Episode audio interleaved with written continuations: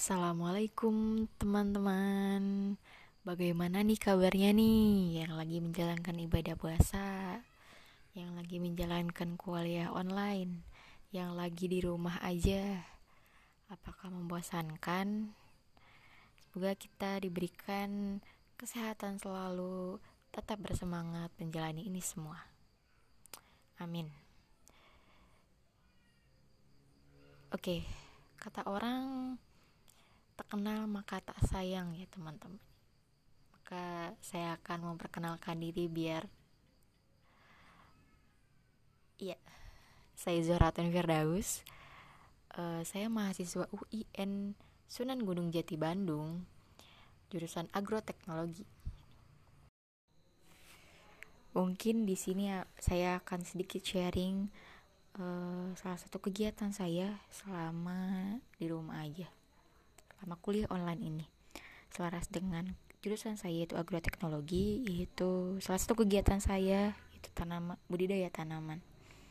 Kebetulan saya pun ditugaskan oleh salah satu dosen eh, budidaya tanaman hortikultura itu dengan membudidayakan tanaman. Eh, saya memilih tanaman selada karena tanaman selada ini tentu sangat familiar dengan kita khususnya kaum millennials. Uh, selada itu banyak uh, kita makan ketika makan sandwich mungkin makan selada. Tanaman selada, selada ini uh, sangat amat bermanfaat bagi tubuh kita karena daun selada ini mengandung antioksidan seperti beta karotin, folat, dan lutein serta mengandung indol yang berhasiat melindungi tubuh dari serangan kanker. Masya Allah sekali ya.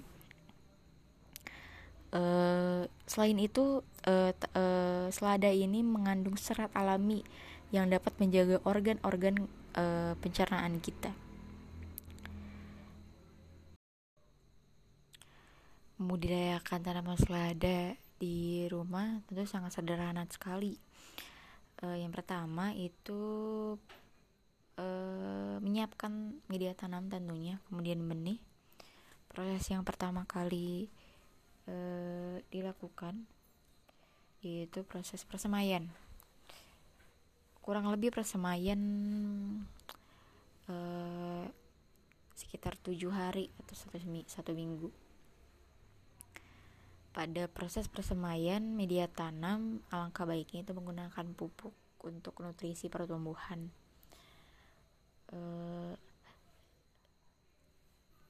ketik ya ketika pada saat satu minggu pertama uh, yang pada pertumbuhan tanaman yang saya tanam itu uh, tergolong lambat karena um, bertumbuh hanya setinggi 1 sampai 2 meter 2 cm maaf.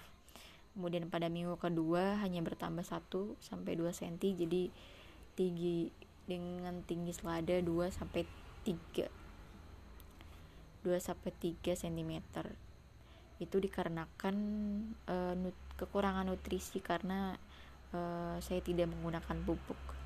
Tengah pandemi ini uh, mau tidak mau yang bahan yang digunakan bahan yang seharusnya digunakan itu tidak ada karena akses untuk mendapatkan bahannya pun terbatas. Uh, idealnya itu harus menggunakan pupuk untuk mendukung adanya uh, pertumbuhan untuk nutrisi tanaman. Kemudian uh, saya berpikir apa solusi yang uh, ampuh untuk uh, tanaman saya tetap tumbuh karena pada minggu kedua sampai ketiga tanaman saya sempat layu karena uh, sekarang musim hujan sering hujan ketika ada tekanan air keras dari atas dan tanaman saya belum belum begitu kuat sehingga e, menyebabkan layu. kebetulan saya di rumah ada E4 kita tahu bahwa E4 kebanyakan digunakan untuk fermentasi kompos. Saya mencoba untuk uh, uh, sebagai nutrisi. Jadi uh, dituangkan satu cup uh, dicampur satu ember disiramkan ke tanaman selada sebagai nutrisi. Kemudian keesokan harinya itu bernampak positif kelihatan segar sekali selada selada.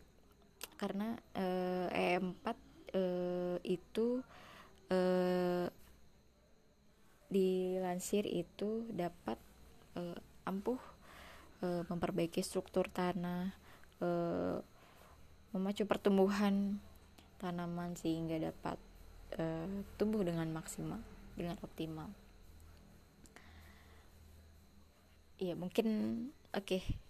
uh, cukup segit, uh, sekian mungkin pengalaman dari saya selama menanam tanaman selada karena ini baru hari ke